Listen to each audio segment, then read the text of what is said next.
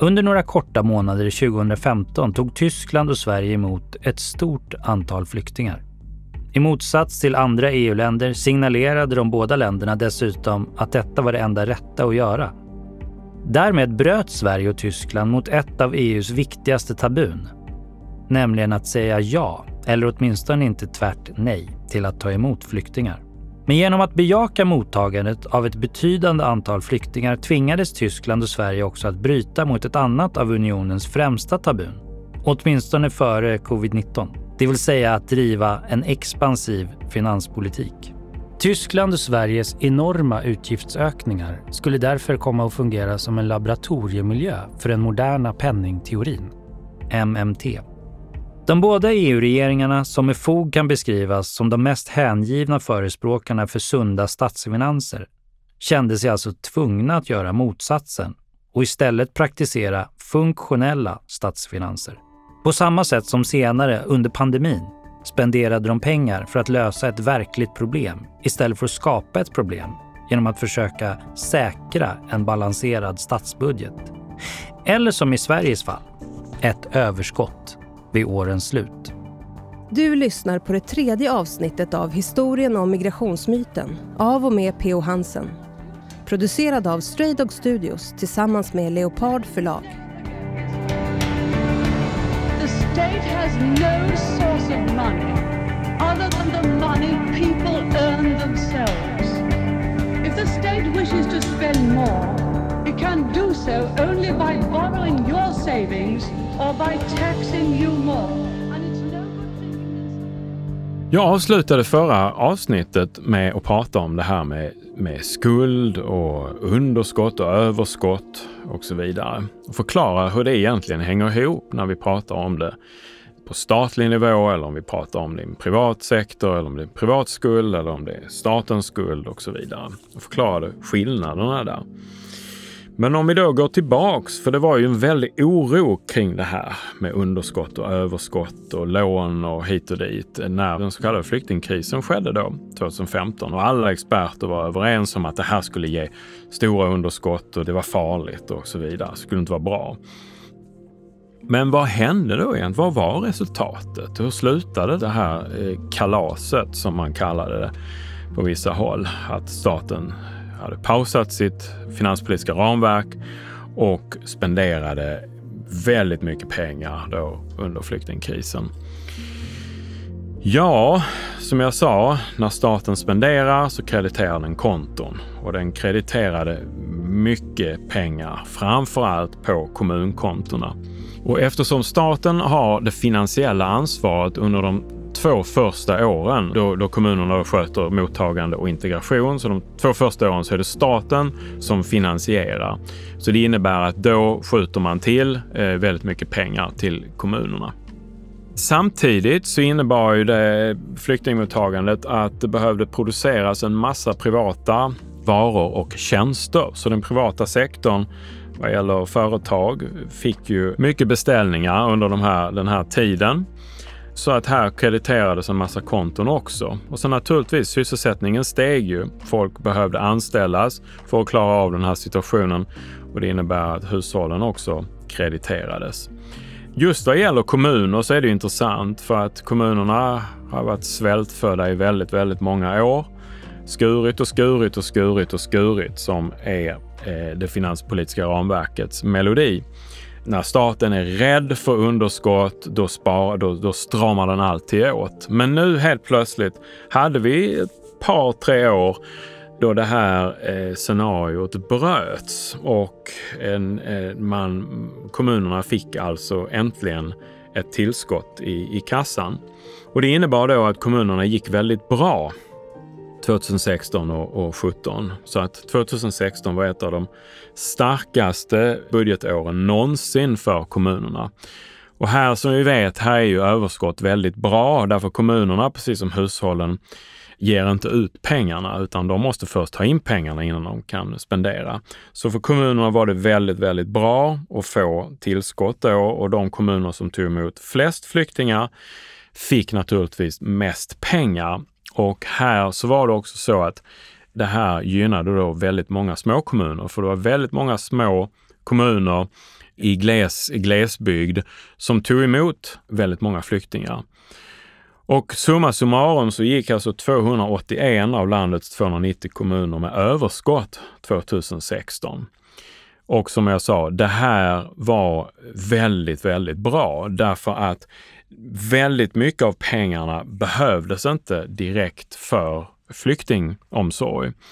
Och det innebar att kommunerna alltså kunde använda de här pengarna till andra saker som till exempel att investera i välfärden. Och det här visade då att det fanns ingen trade-off. Det fanns ingen motsättning mellan att ta emot flyktingar och att samtidigt satsa på välfärden. Tvärtom så innebär bara det här att många kommuner så kunde man satsa på välfärden. Man kunde bygga ett nytt äldreboende eller en ny skola eller ett nytt dagis. Man kunde renovera fastigheter. Man kunde satsa på en rad olika områden som hade, hade fått stå tillbaka under många år. Det här visar ju då liksom att ja, men här ser vi statens utgifter är alltid någon annans inkomster per definition. Det kan inte förhålla sig på något annat sätt. Det är ingen politik i detta. Så när staten spenderar så hamnar pengarna någonstans. De försvinner inte utan de hamnar hos privata företag, hushåll och inte minst då kommuner i det här fallet med, med flyktingar. Under covid såg vi samma sak. Kommunerna gjorde väldigt bra resultat därför att staten öppnade för att spendera och detta gynnar då kommunerna väldigt mycket. Jo, jo, men har man spenderat hela 2015 och 2016 så måste det ju börja bli ruskigt tajt med pengar inför budgeten som läggs hösten 2017. Här, Magdalena Andersson i TV4. Det går bra i svensk ekonomi och vi har ju ett överskott på 80 miljarder nästa år. Och då har vi lagt av, satt av 40 av de miljarderna, hälften, till att betala av på statsskulden och då får vi den lägsta statsskulden i Sverige sedan 1977. Eh, Okej, okay alltså. Staten krediterar bankerna. Bankerna krediterar kommuner, företag och privatpersoner. Det tas hand om flyktingar, byggs vägar och utvecklas SAS-lösningar. Det leder till att det betalas moms och skatter till staten och i slutändan går alltså staten med vinst trots allt.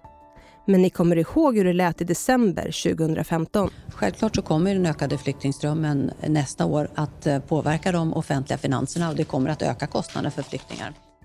Vi kan gå raskt här, för jag ska snart prata om det här med finansiella resurser och reella resurser. Men jag har pratat, tagit upp det här med, med covid-19 och pandemin. Det finns en anledning till att ta upp det lite grann, för att då upphävdes ju det finanspolitiska ramverket igen 2020. Och man gjorde samma sak i eurozonen. Alla finanspolitiska regler, onödiga politiska regler togs bort. Men den här gången, till skillnad från flyktingsituationen, så var det inte ett nödvändigt ont att göra så här. Och i och med att det inte var ett nödvändigt ont så kunde politikerna faktiskt vara lite mer frispråkiga. Inte minst Magdalena Andersson, som när hon tillträdde som finansminister sa för TV4 att pengarna var slut att det fanns inga mer pengar. Därför att eh, så funkar det. Staten har inga pengar om den har underskott utan då måste den spara i ladorna för att komma ifatt de här underskotten. Hon sa liknande saker då under flyktingkrisen, men då sa hon att okej, okay, nu måste vi spendera, det är en kris och så vidare, men vi måste hämta in det, vi måste låna och det är inte bra.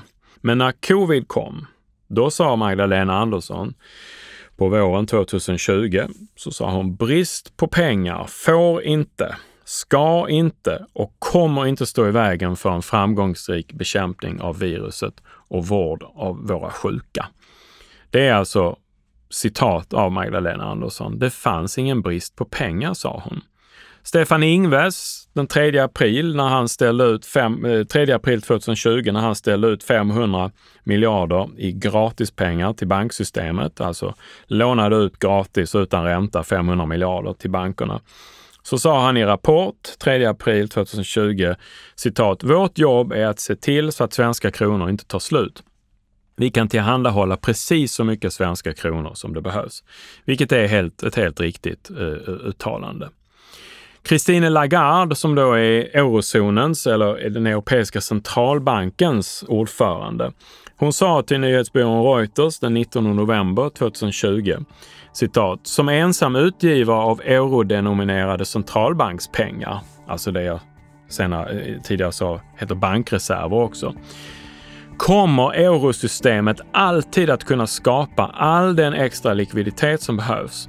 Per definition därför kan det inte gå i bankrutt eller få slut på pengarna. Slutcitat. Så det här, det här liksom är, är stora konsekvenser för hur politiker, centralbankschefer och andra börjar prata om det här med pengar. Och det här var naturligtvis gav ju modern penningteori precis ett kvitto på att de har varit, haft rätt hela tiden. Det, det är precis så här det, det funkar.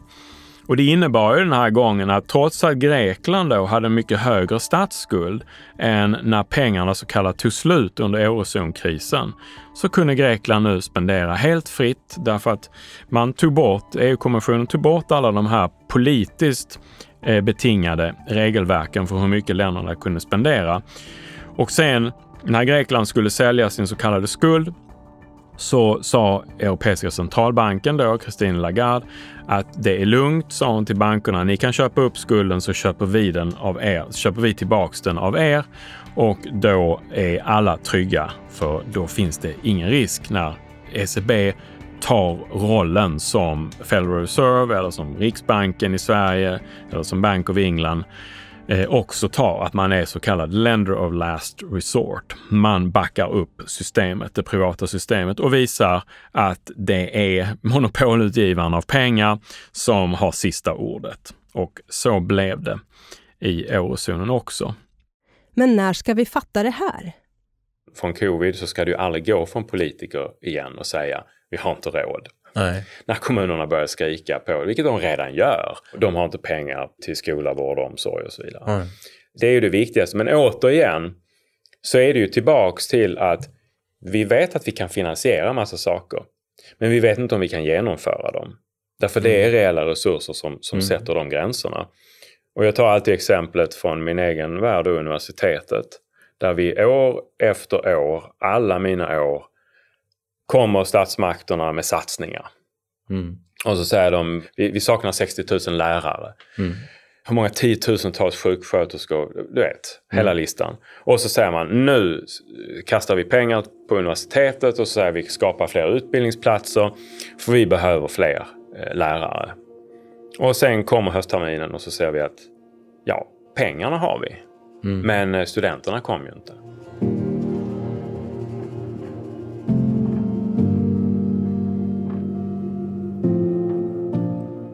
Ett sätt att ta det här med pengarna under covid ett steg till. Det är att, alltså att visa att finansiella resurser fanns. De fanns under flyktingkrisen, men då var det ett nödvändigt ont. De fanns under pandemin, men då var det ett nödvändigt gott.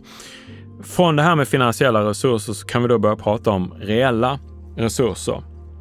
Och här blev det ju väldigt, väldigt tydligt liksom hur viktig invandringen och inte minst då lågkvalificerade invandrare, ofta med flyktingbakgrund och den roll de kom att spela. För många, väldigt många euroländer och i EU-länder generellt hade fört samma politik som Sverige där man hade skurit och skurit och skurit inom just de offentliga områdena där covid då ställde väldigt hårda krav på att man hade nog med personal. Men det hade man inte och det förvärrar ju pandemin extremt mycket och vi hörde hela tiden rapporter om alla brister som fanns i, i sjukvården.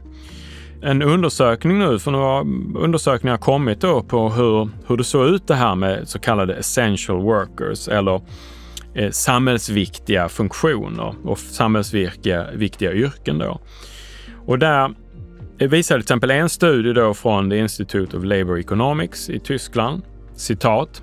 Den övergripande bilden visar en invandrad arbetskraft som spelar en avgörande roll i att upprätthålla vitala verksamheter och samhällsfunktioner i Europa under perioderna av nedstängning. Det ska betonas, fortsätter man, att bland invandrarna är de lågkvalificerade arbetstagarna särskilt överrepresenterade inom flera samhällsviktiga yrken som är avgörande i kampen mot covid-19.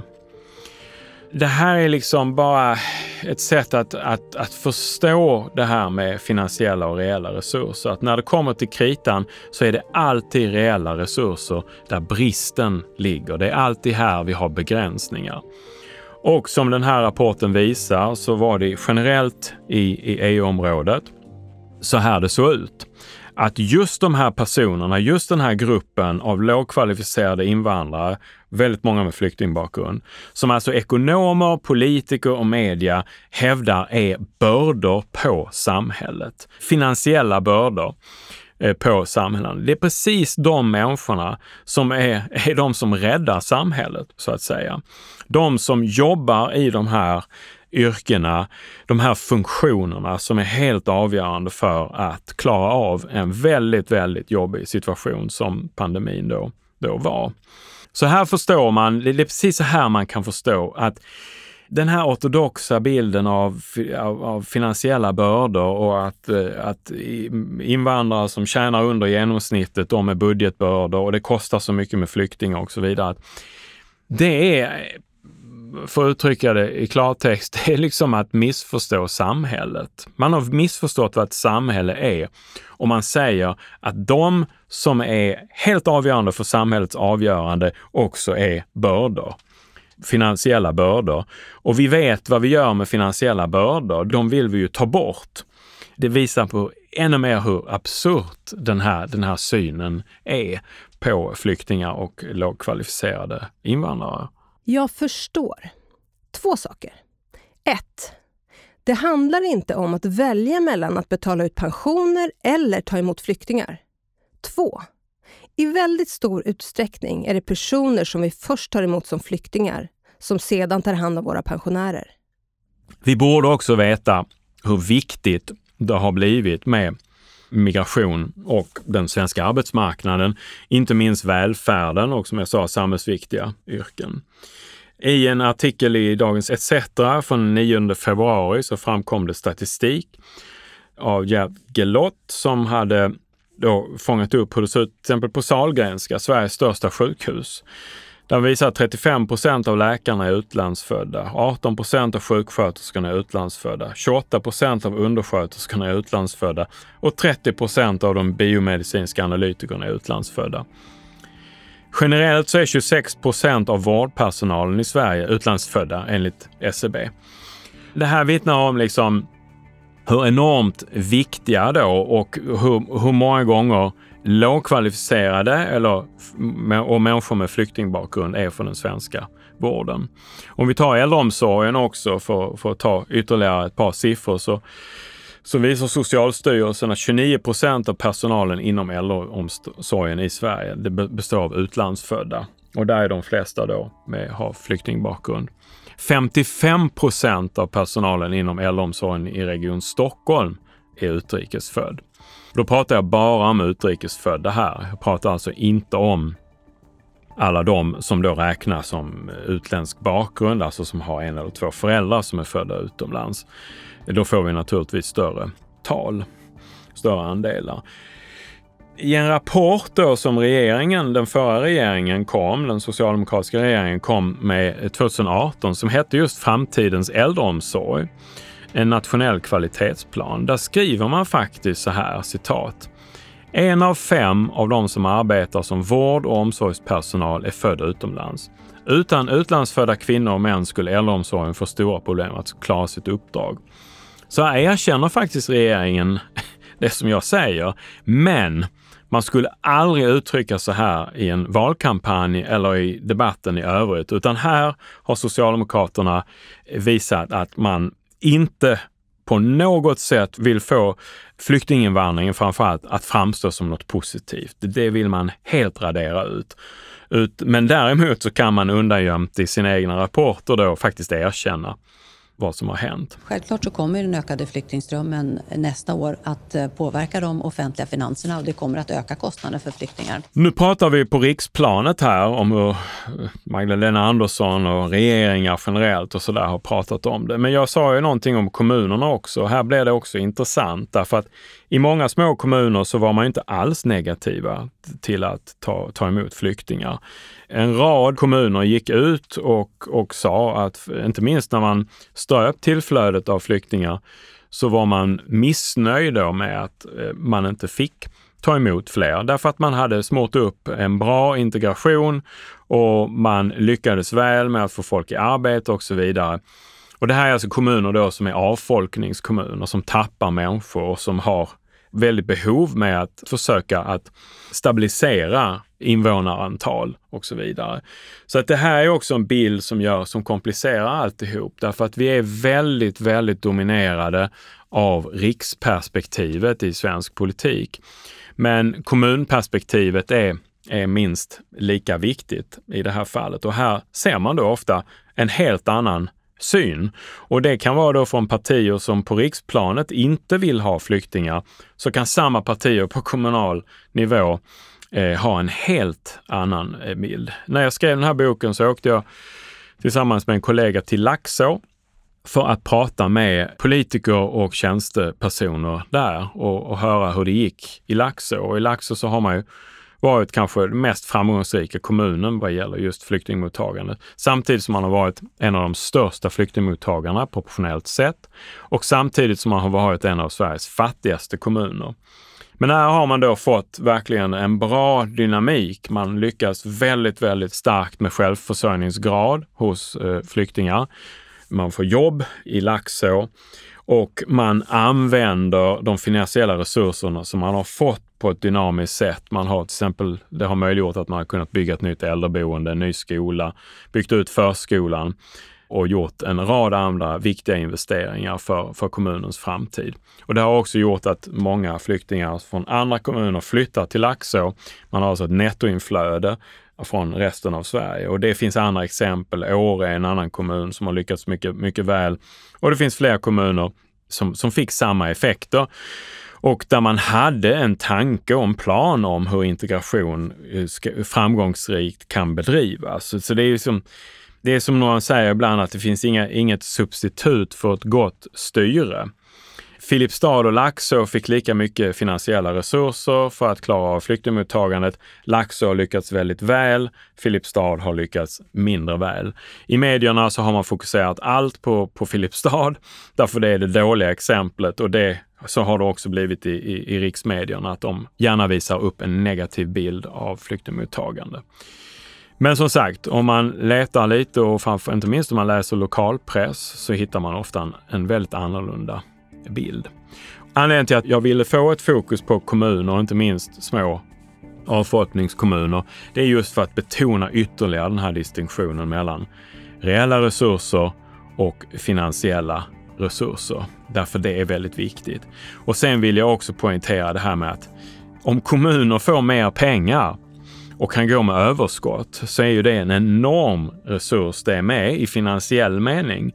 Därför att här betyder överskott att man kan använda pengarna. Och det är samma sak som gäller för hushållen. Att vi måste få möjlighet att nettospara. Annars så går vi till banken och skuldsätter oss upp över öronen. Och i det här läget som vi befinner oss nu så är ju det här ytterst, ytterst eh, prekärt i och med att Riksbanken höjer räntan och det här sätter ljuset på hur eländigt den privata skuldsättningen ser ut i Sverige. Man kan så säga på något sätt att visst, det här med finansiella resurser, det har jag visat att det kan man få fram. Det är inga problem. Däremot så är det väldigt svårt att mobilisera reella resurser därför att dels så är den en, det här har vi finita begränsningar i en ekonomi och ett land. Hur mycket människor man kan mobilisera för olika funktioner. Men å andra sidan så är ju det här, det här är ju samhällsbyggande i ett nötskal. Det är, och därmed är det det svåra, men också det roligaste och mest kreativa. Det enkla är de finansiella resurserna. De skapas via knapptryck på datorer och det är inte svårt. Men fram till nu, eller fram till pandemin, så har vi förirrat oss att tro att det är pengarna som är det svåra. Och därför har vi slarvat bort i den här processen de verkliga dyrgriparna.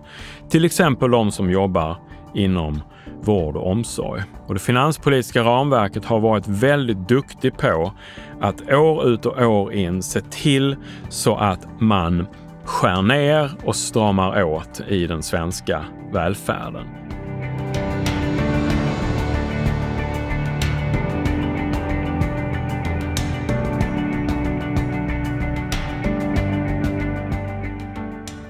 Och just nu när jag säger detta, alltså hösten 2022, så har vi ju då det här problemet med en väldigt hög inflation.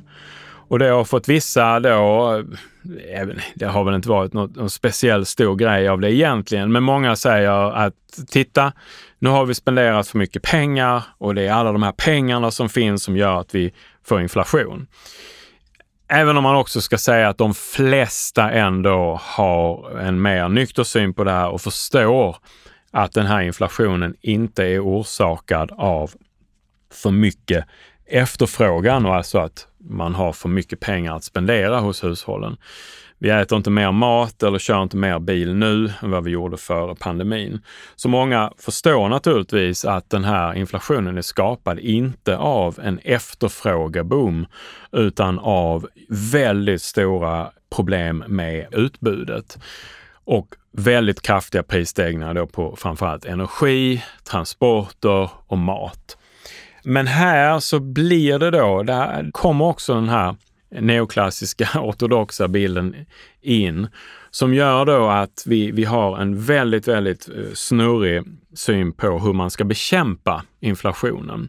Så då har vi riksbanker över hela världen som chockhöjer räntorna i tron att detta per automatik stävjar inflationen. Sen kan man erkänna villigt och öppet att egentligen så kan inte räntehöjningar minska inflationen i den meningen att de kan minska priserna.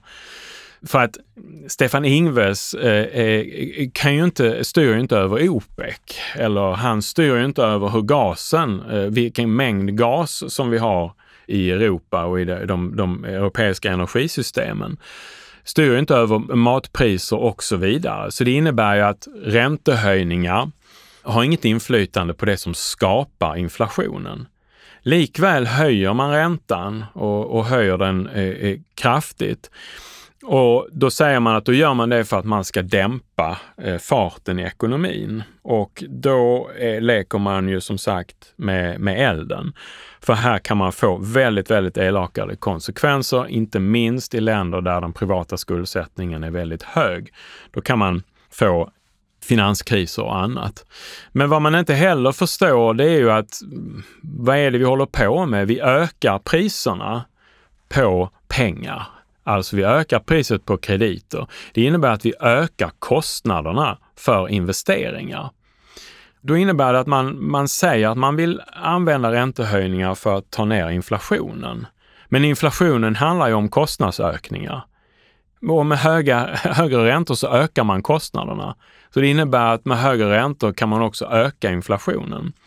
Vad man också inte pratar om det är att när man höjer räntorna så ökar man ju ränteutbetalningarna på den så kallade statsskulden eftersom räntorna stiger på statsobligationer. Ja, och gör de det, då innebär ju det att statens ränteutbetalningar ökar väldigt, väldigt kraftigt. Alltså kommer mer pengar ut i ekonomin.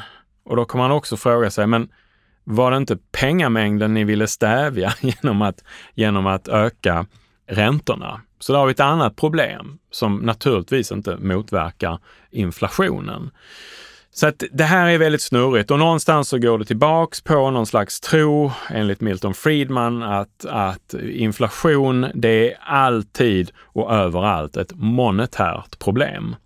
Återigen kommer man tillbaks till det här med, med pengar. Man tror att det är penningmängden som är den stora boven i dramat.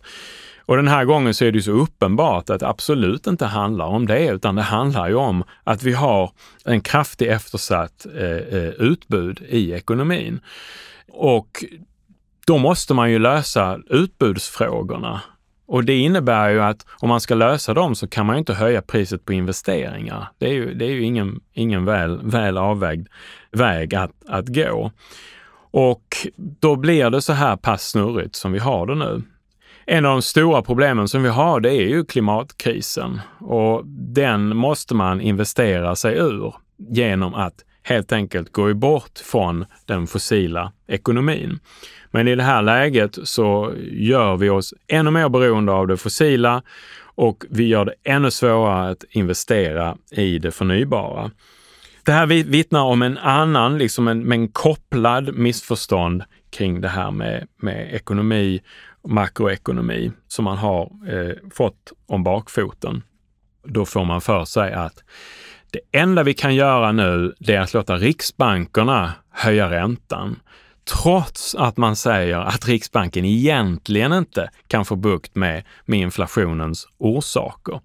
Så hur får man bukt med inflationens orsaker? Ja, på samma sätt egentligen som jag har pratat om i alla de här delarna, så får man ju bukt med det genom att använda finanspolitiken på ett, ett ansvarsfullt och sunt sätt där man ställer upp mål för det man vill ha. Och där kan ju folk ha olika uppfattningar om vad man vill ha. Men frågar man politiker så är ju alla överens om att klimathotet är reellt och att vi behöver göra saker för att lösa det genom att ställa om så mycket vi kan. Och då är det ju helt meningslöst att låta Riksbanken hålla på med någonting som den ändå inte kan styra över. Utan då måste finanspolitiken få säga sitt. Och vad vi riskerar nu det är ju att, för här ingår ju argumentet om att för att vi ska få ner eh, inflationen så måste vi också spendera mindre, alltså ha en mindre roll för finanspolitiken när den borde gå i bräschen med stora, starka investeringar för omställning och så vidare, som då kan hjälpa oss att komma ur de här, de här utbudssvårigheterna som vi har med det, med det fossila. Det där vittnar om att, att vi är nu på väg in i att förstärka de här felaktiga bilderna som kommer från den ortodoxa ekonomiska skolan. Så vi börjar tro att det är farligt nu om staterna eh, spenderar. Utan nu ska man dra ner och vad man riskerar då det är ju att vi får, eh, som man redan ser då, antydningar till hösten 2022, att vi går in i en lågkonjunktur som skapas eh, själv av staterna. Och det är ju naturligtvis helt fel eh, väg att gå. Men återigen så bygger det på ett grundläggande missförstånd av hur makroekonomi fungerar och där man är, har den här latenta rädslan för att staten och statens finanspolitik måste gå i bräschen. Det är där man kan, man kan göra någonting och det är, des, det är där grunden för, för samhällsbyggandet ligger.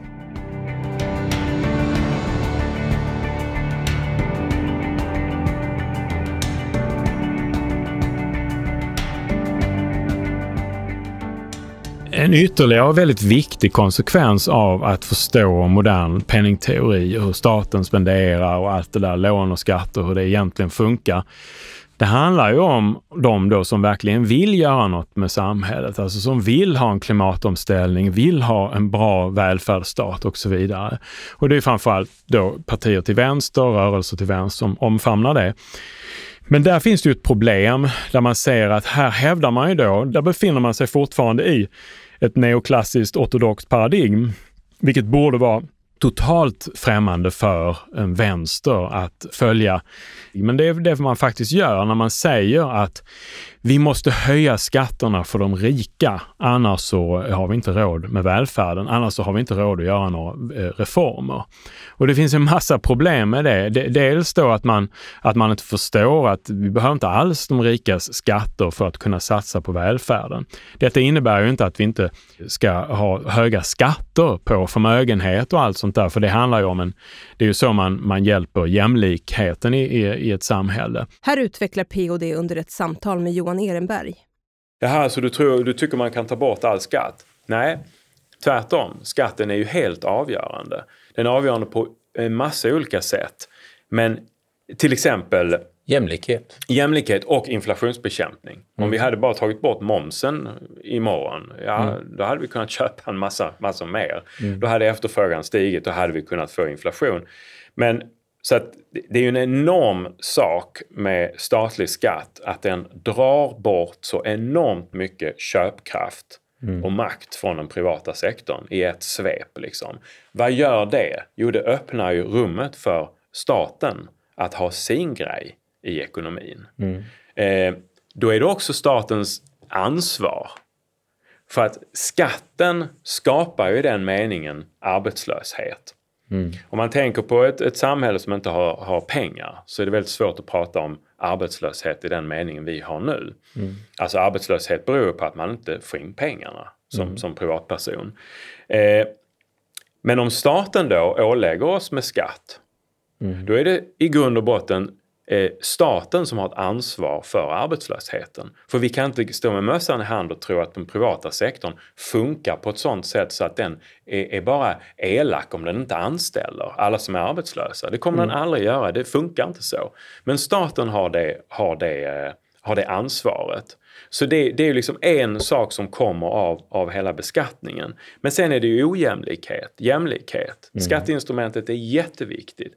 Och miljö. Är, miljö. Ja, men det, är, det, det, är ju liksom, det, har det, det har alltid varit ett sånt där. Att man, man, man straffar ut äh, smutsiga industrier. Eller, eller det har med våra beteenden. Vi har hög skatt på alkohol, mm. tobak. Mm. Ja, för att det inte är bra. Mm. Men vi har inte de skatterna för att det är dyrt att genomföra lungcanceroperationer. Mm. Utan vi har ju dem för att de som genomför de operationerna ska kunna göra någonting annat istället för för rökningsskador. Mm.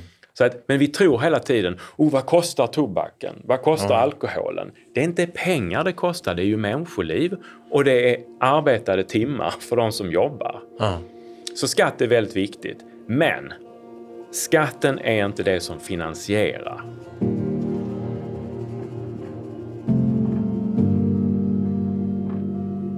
Man behöver inte eh, de rika skatter för att finansiera välfärdsreformer eller klimatomställning eller vad det nu är, snabbtåg och så vidare. Men en vänster som tror det hamnar ju i en väldigt depressiv ställning därför att om man inte lyckas få till de här skattehöjningarna, ja då blir det inga reformer heller. Då blir det ingen välfärd. Och då blir det, ja precis, det blir en defaitism att man säger, ha, det blev inga skattehöjningar det här, den här gången heller, alltså får vi hålla på och tjata om att vi måste höja skatterna, annars blir det ingen välfärd. Men en annan konsekvens är att vad man säger med detta det är att vi behöver en massa väldigt rika människor för att vi ska ha en välfärd. Så det är på något sätt som att de rika betalar välfärden.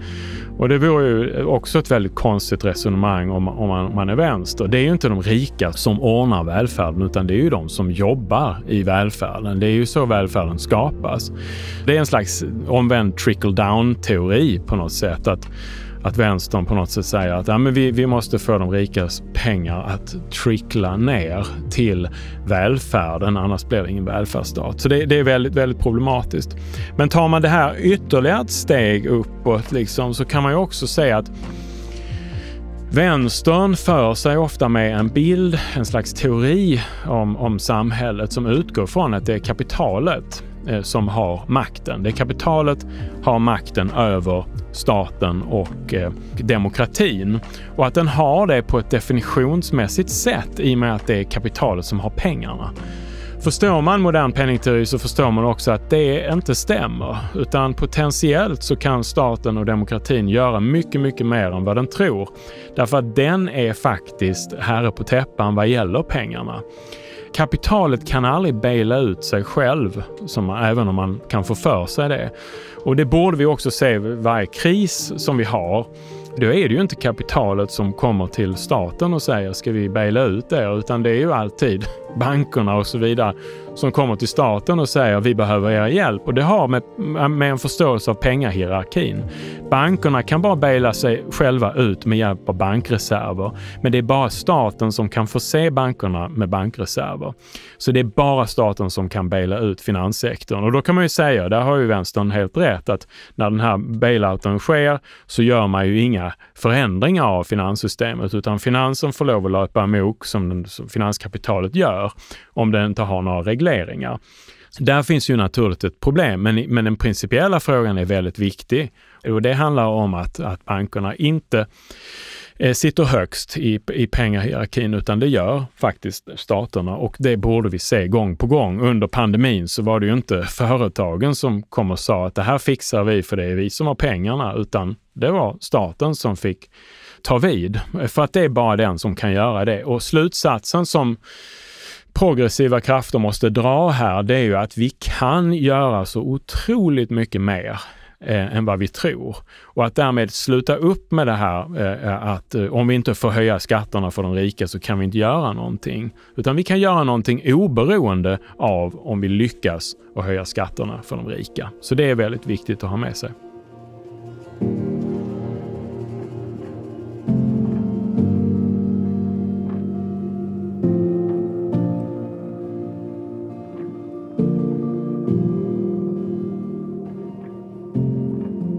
För att återgå till bokens tematik så gäller ju detta i lika hög utsträckning då för den här migrationsfrågan och flyktingfrågan. Migranter och flyktingar är redan del av samhällsbyggandet. Det är bara att vi har en politik och en ekonomi som inte fattar det, utan som hela tiden påstår att migranter som inte tjänar över genomsnittet, som inte är de här högutbildade och högkvalificerade migranterna, att alla de och givetvis flyktingarna framför allt, man säger att de är finansiella bördor. Och som jag sa innan, finansiella bördor är någonting man vill ta bort. Så då vill man ta bort, det, implikationen är ju mindre flyktingar som kommer, desto bättre för det svenska samhället.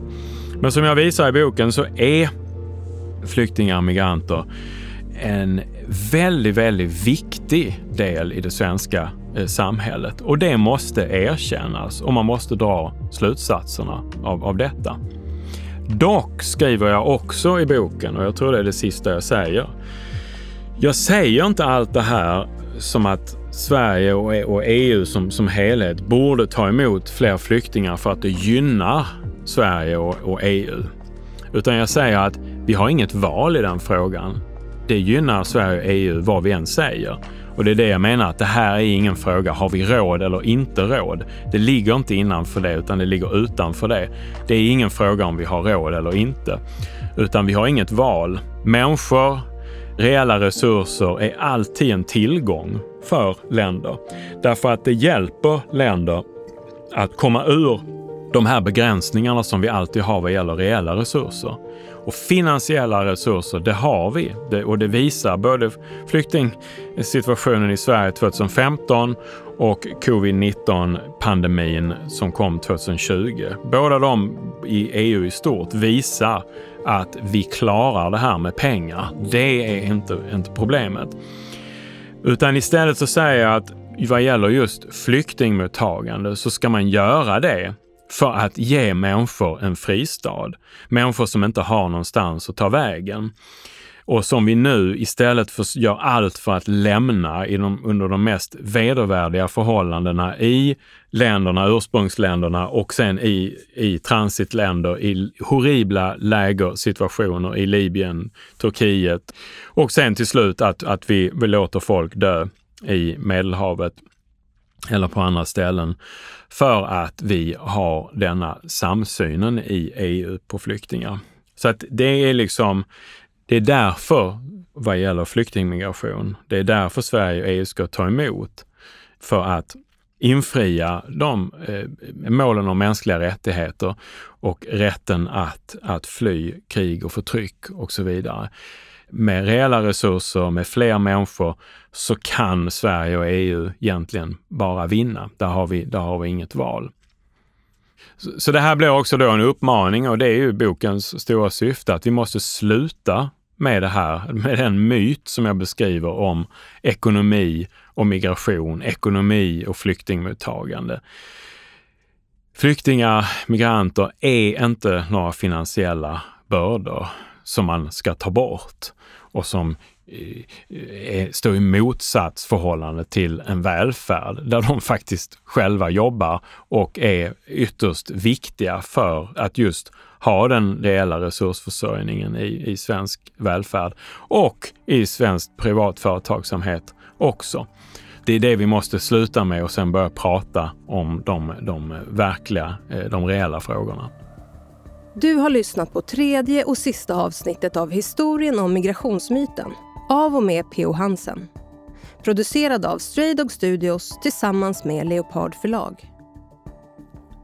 Ljudklippen kommer från Margaret Thatcher från det konservativa partiets konferens 1983. Magdalena Andersson, TV4, 21 oktober 2017. Magdalena Andersson från Expressen TV, 18 december 2015. Johan Ehrenberg och P.O. Hansen i ett filmat samtal publicerat på ETC. Vill du veta mer? Läs gärna boken Migrationsmyten av P.O. Hansen. Finns där böcker finns. The state has no source of money other than the money people earn themselves.